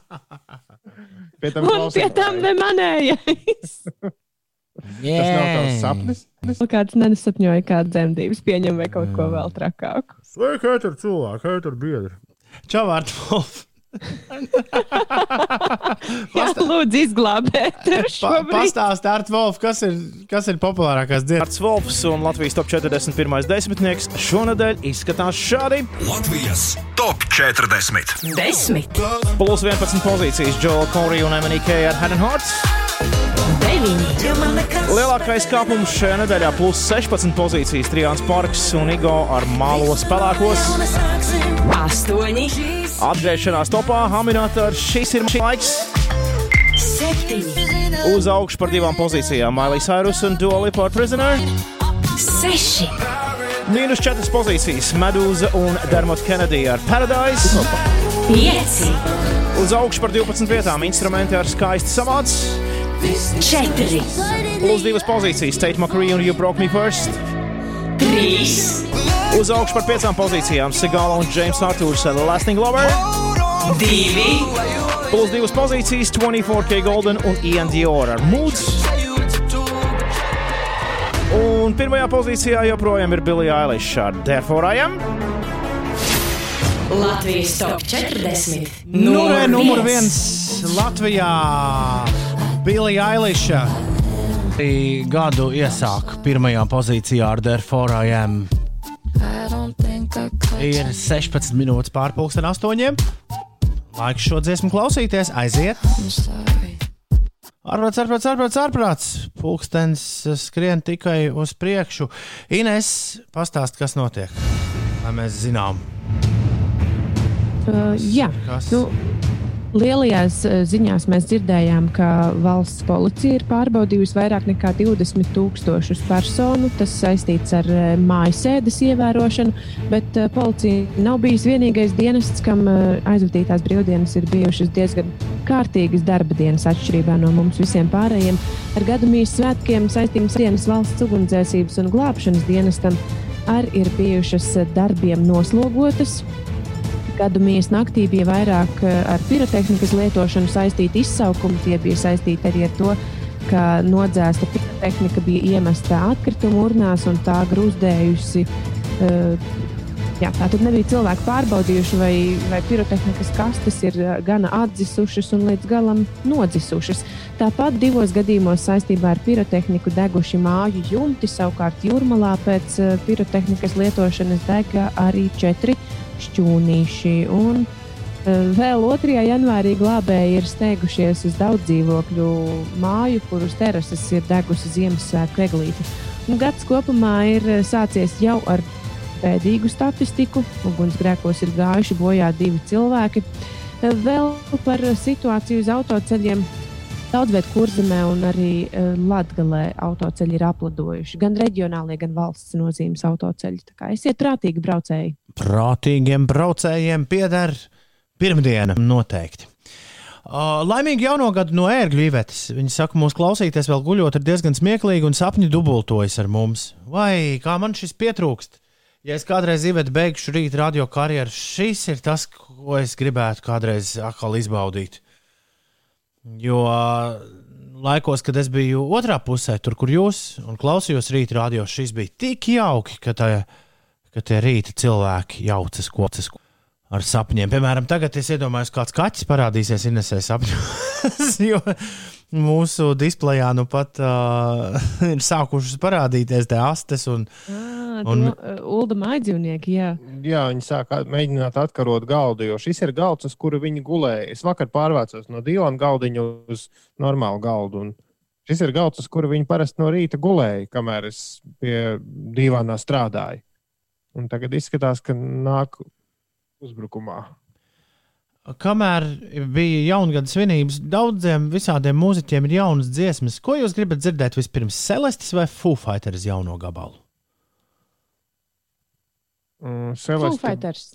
bija latviešu, Mm, uh, bet es arī futbols spēlēju. Latviešu meitene Celeste. Mēs paklausīsimies kādā, mm, kādā citā reizē, jā, bet man, kur man te bija jaunais Foo Fighters? Celeste būtu ātrāk.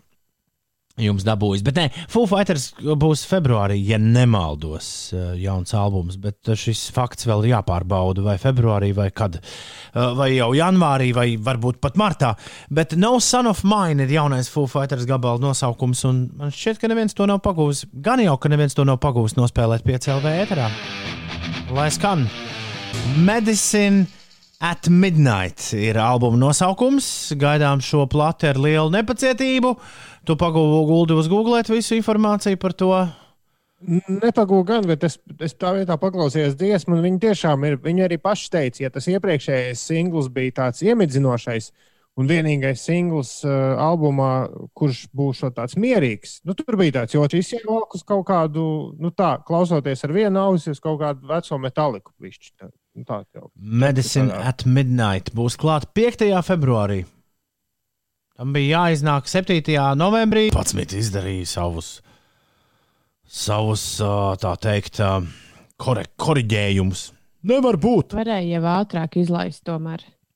Ja mums vēl mājasēdes priekšā, tad tā būtu kā med meditācijas pasākums pirms pusnakts. Viņiem viņi nav plates iespieduši. Ines. Ai, Viņi nav plati. Nu, Zini, kā grib izlaist, un lai cilvēki, kur grib arī aptaustāmu dabūt, nu, lai tie ar to dabū.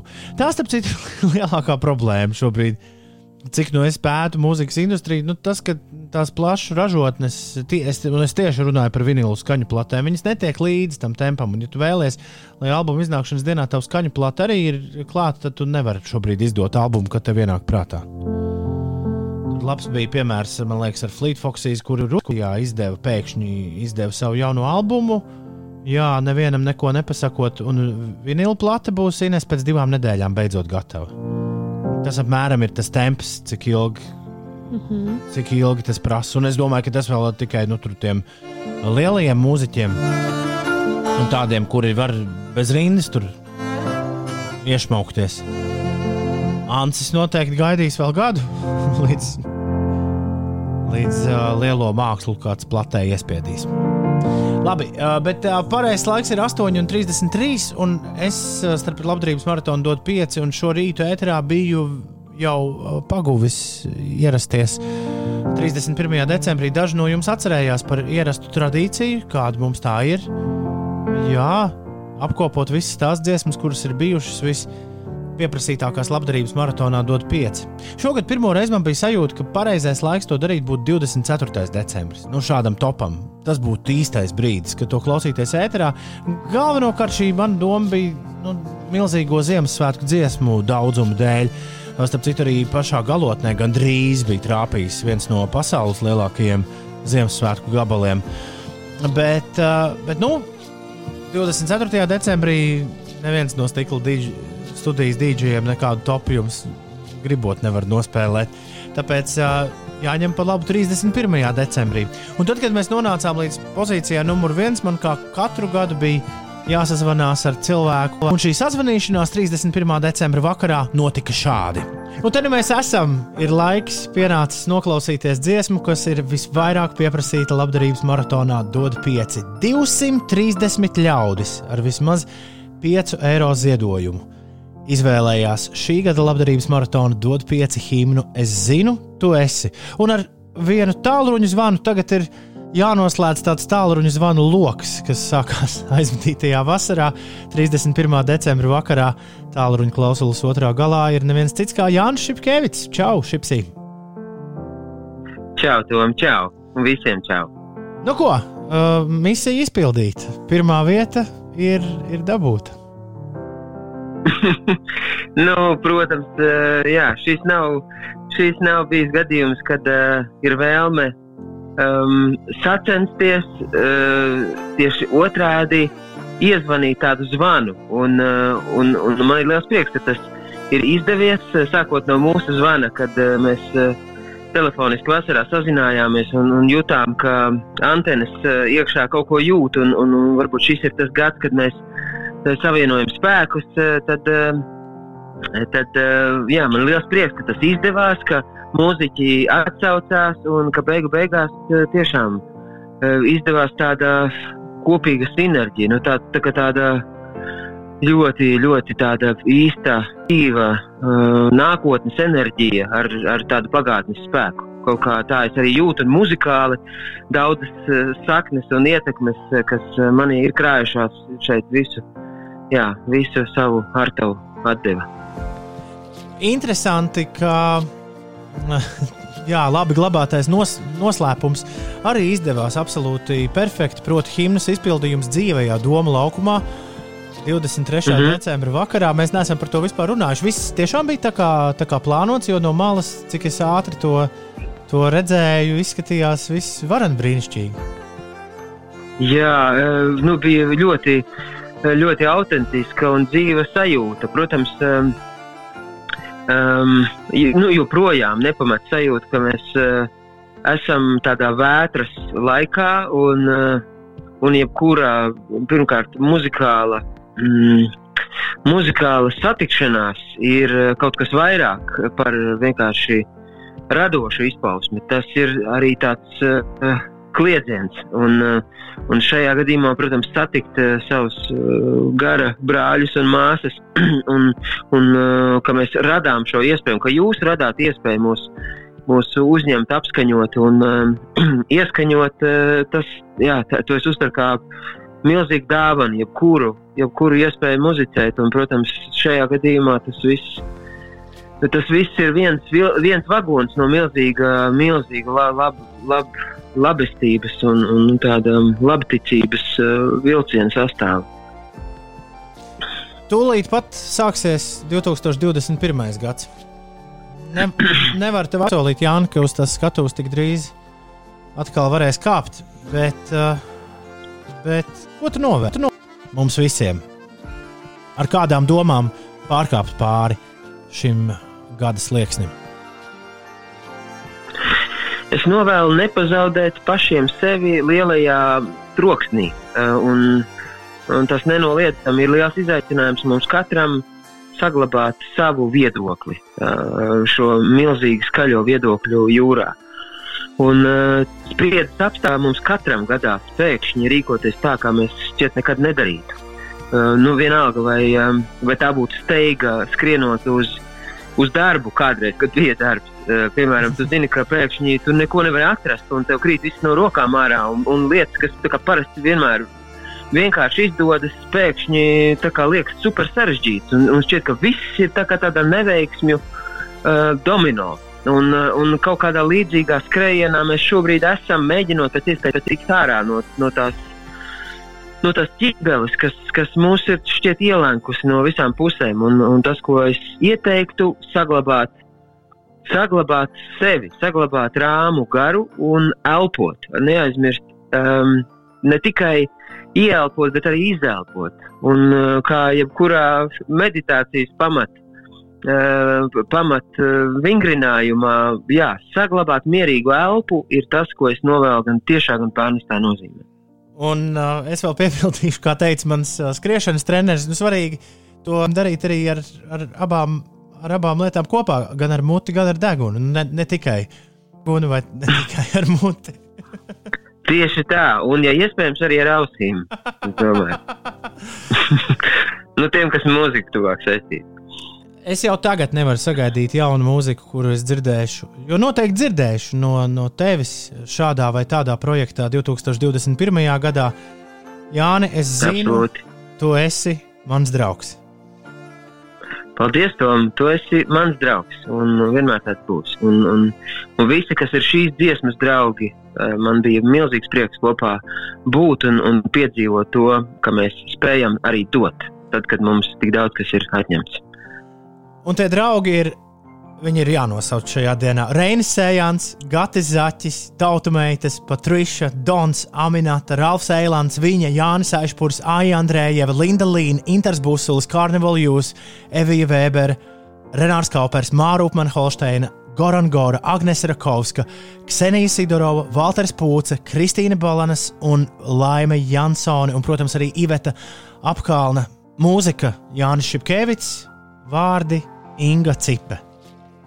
Lai ļoti, ļoti laimīgs jaunais gads, Jāni. Lai tā notiek, un lai, jā, lai mēs visi esam laimīgi, mierīgi un, un svētīti. Es zinu, tu būsi mans draugs. 2020. gada imna turpinās dzīvot, skanēt Tā nekur nepazudīs, bet uz visiem laikiem tā ir, tā ir pieci vispopulārākā dziesma, vispieprasītākā dziesma. Par rezultātiem arī tūdaļ papļāpāt, bet vispirms Inesē jāizstāsta, kas notiek. Ir 8,45. Labrīt, Inesē! Labrīt, labrīt! Raimons Pauls, Latvijā populārākais komponists, janvārī sagaidīs savu 85. dzimšanas dienu, un Latvijas televīzijā ir tapusi jauna dokumentālā filma, kuras režisors un operators Andrēs Verhaustīnskis un scenārija autore žurnāliste Henrieta Verhaustīnska, sekojot meistaram, ļāvās viņa ikdienas dzīves gaitām gada garumā un dokumentēja viņa eh, neizsīkstošo dzīves spāru un radošo garu mūzikā. Tātad Pirmizrāde par uh, dokumentālajai filmai par Raimondu Paulu būs 8. janvārī, 2009. vakarā Latvijas televīzijas pirmajā kanālā. Izpaliekot Ziemassvētku kauju 104. gada dienas atceres pasākumiem, Jelgavas pašvaldība no 5. janvāra 11. janvārim izgaismos piemiņas vietu Ložmetē kalnā. Latvijas Botāniķu biedrības izvēlētais gada augs 2021. gadam ir parastā ķimene. Tā ir sastopama gan Eirāzijā, gan Ziemeļamerikā. Eiropā parastā ķīmene savvaļā sastopama gandrīz visur, izņemot vidusjūras reģionu, un, protams, tā savvaļā aug arī Latvijā. Un šodien 7. līdz 12. 12. klašu skolēni atsāk mācības. Tiesa, tās notiek attālināti, bet 1. līdz 6. klašu skolēni turpina no rītiem pasnaust mazliet ilgāk, jo viņiem eh, brīvlaiks turpinās līdz 8. janvārim. Es nobijos, iespējams, ka var dzirdēt, kā viens tas nauž. Un te pilnīgi lieta darbam no mājām. Man te bija vesela misija, kā dabūt bērnu dārznieku uz bērnu dārzu. Jo bērnu dārznieki gan nesnauž. Bet, bet jā, te pirmās klases skolēns redzēs. Es pie, pie, pieļa, pieļauju, ka pats savus ziemas zābakus jau būšu vilcis, kad vēl nebūs no gultas ārā. Da, vienīgā lielā ziepa ir tāda, ka nu, viņiem arī tas režīms uz otras nu, sāk griezties nepatīkams. Tāpēc, tāpēc jāizsaka drīzāk līdzjūtība jaunajiem cilvēkiem, ka viņiem kaut kad būs jālabo nu, tie ielaistie Ziemassvētku un jaunā gada vēlie miegi. Nu, jā, tas gan. Viņa jau pavasarī trenējas. tas gan, tas gan. Es zinu, tu esi bijis vispieprasītākā dziesma.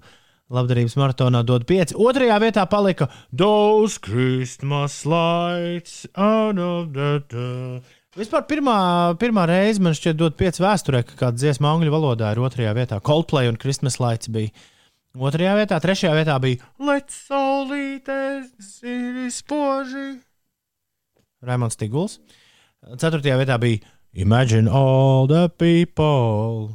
Džons Lenons un Louija Armstronga What a Wonderful World bija piektajā vietā.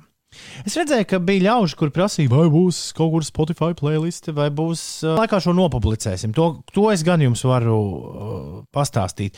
Vai ir jēga no Spotify playlistes, uh, kur uh, tiešām 50% ir Ziemassvētku dziesmas, nu tā, lai to klausītos cauri visam gadam. Tas vienmēr, vienmēr ir bijusi galvenā dilemma, kāpēc lielākoties šādas dot piecas listas nav tapušas. Es uzreiz varu pateikt, ka nav jēga. Ja kāds droši vien vēlas, var, var uztaisīt, bet man šķiet, ka. Jā, tāpēc mēs nopublicēsim topu smuki, glīti apskatām 5LV mājaslapā, vai tas nu, vēlākais tas notiks rītdien.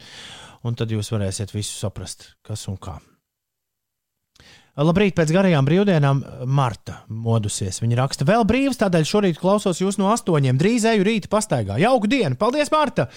Vispār prieks par jebkuru, kurš ir pamodies, jo, jo darbs no mājām, attālinātās mācības, bla, bla, bla, tā, tā, tā, šā, šā, šā.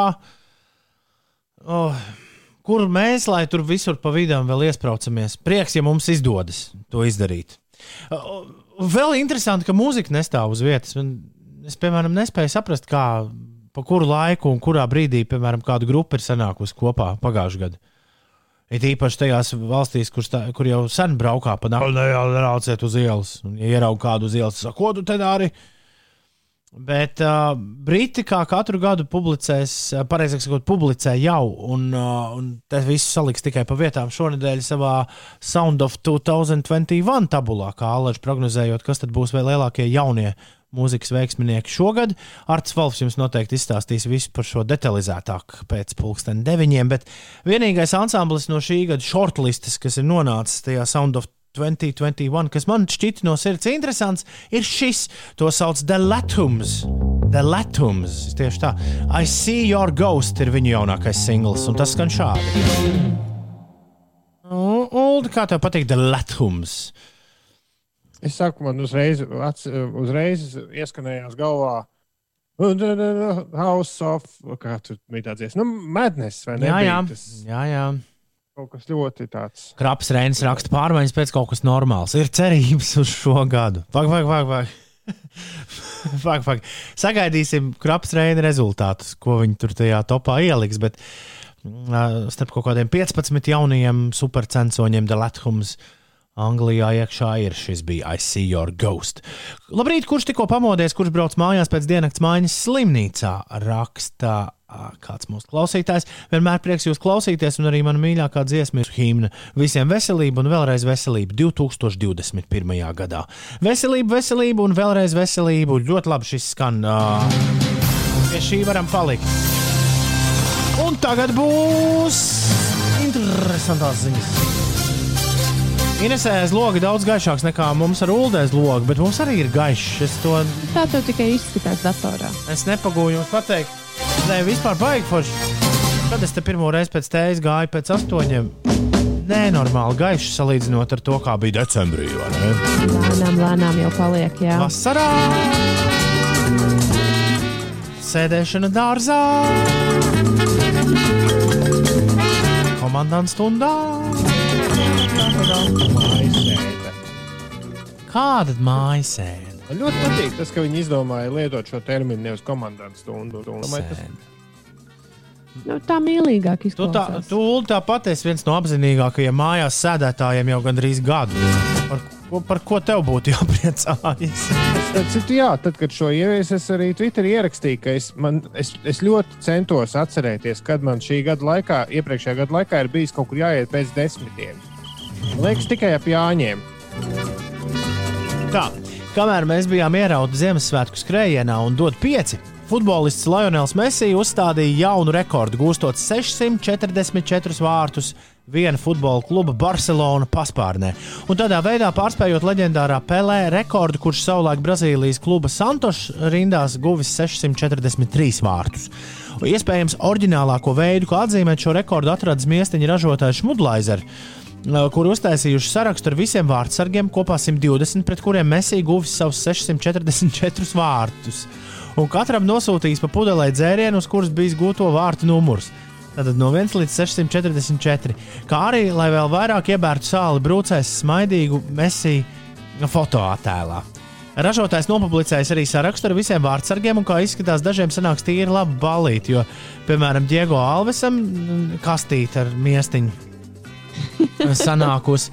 No tādiem leģendāriem vārdsargiem man uzreiz Ikars Kasilijas, kuram 17 uh, bumbas.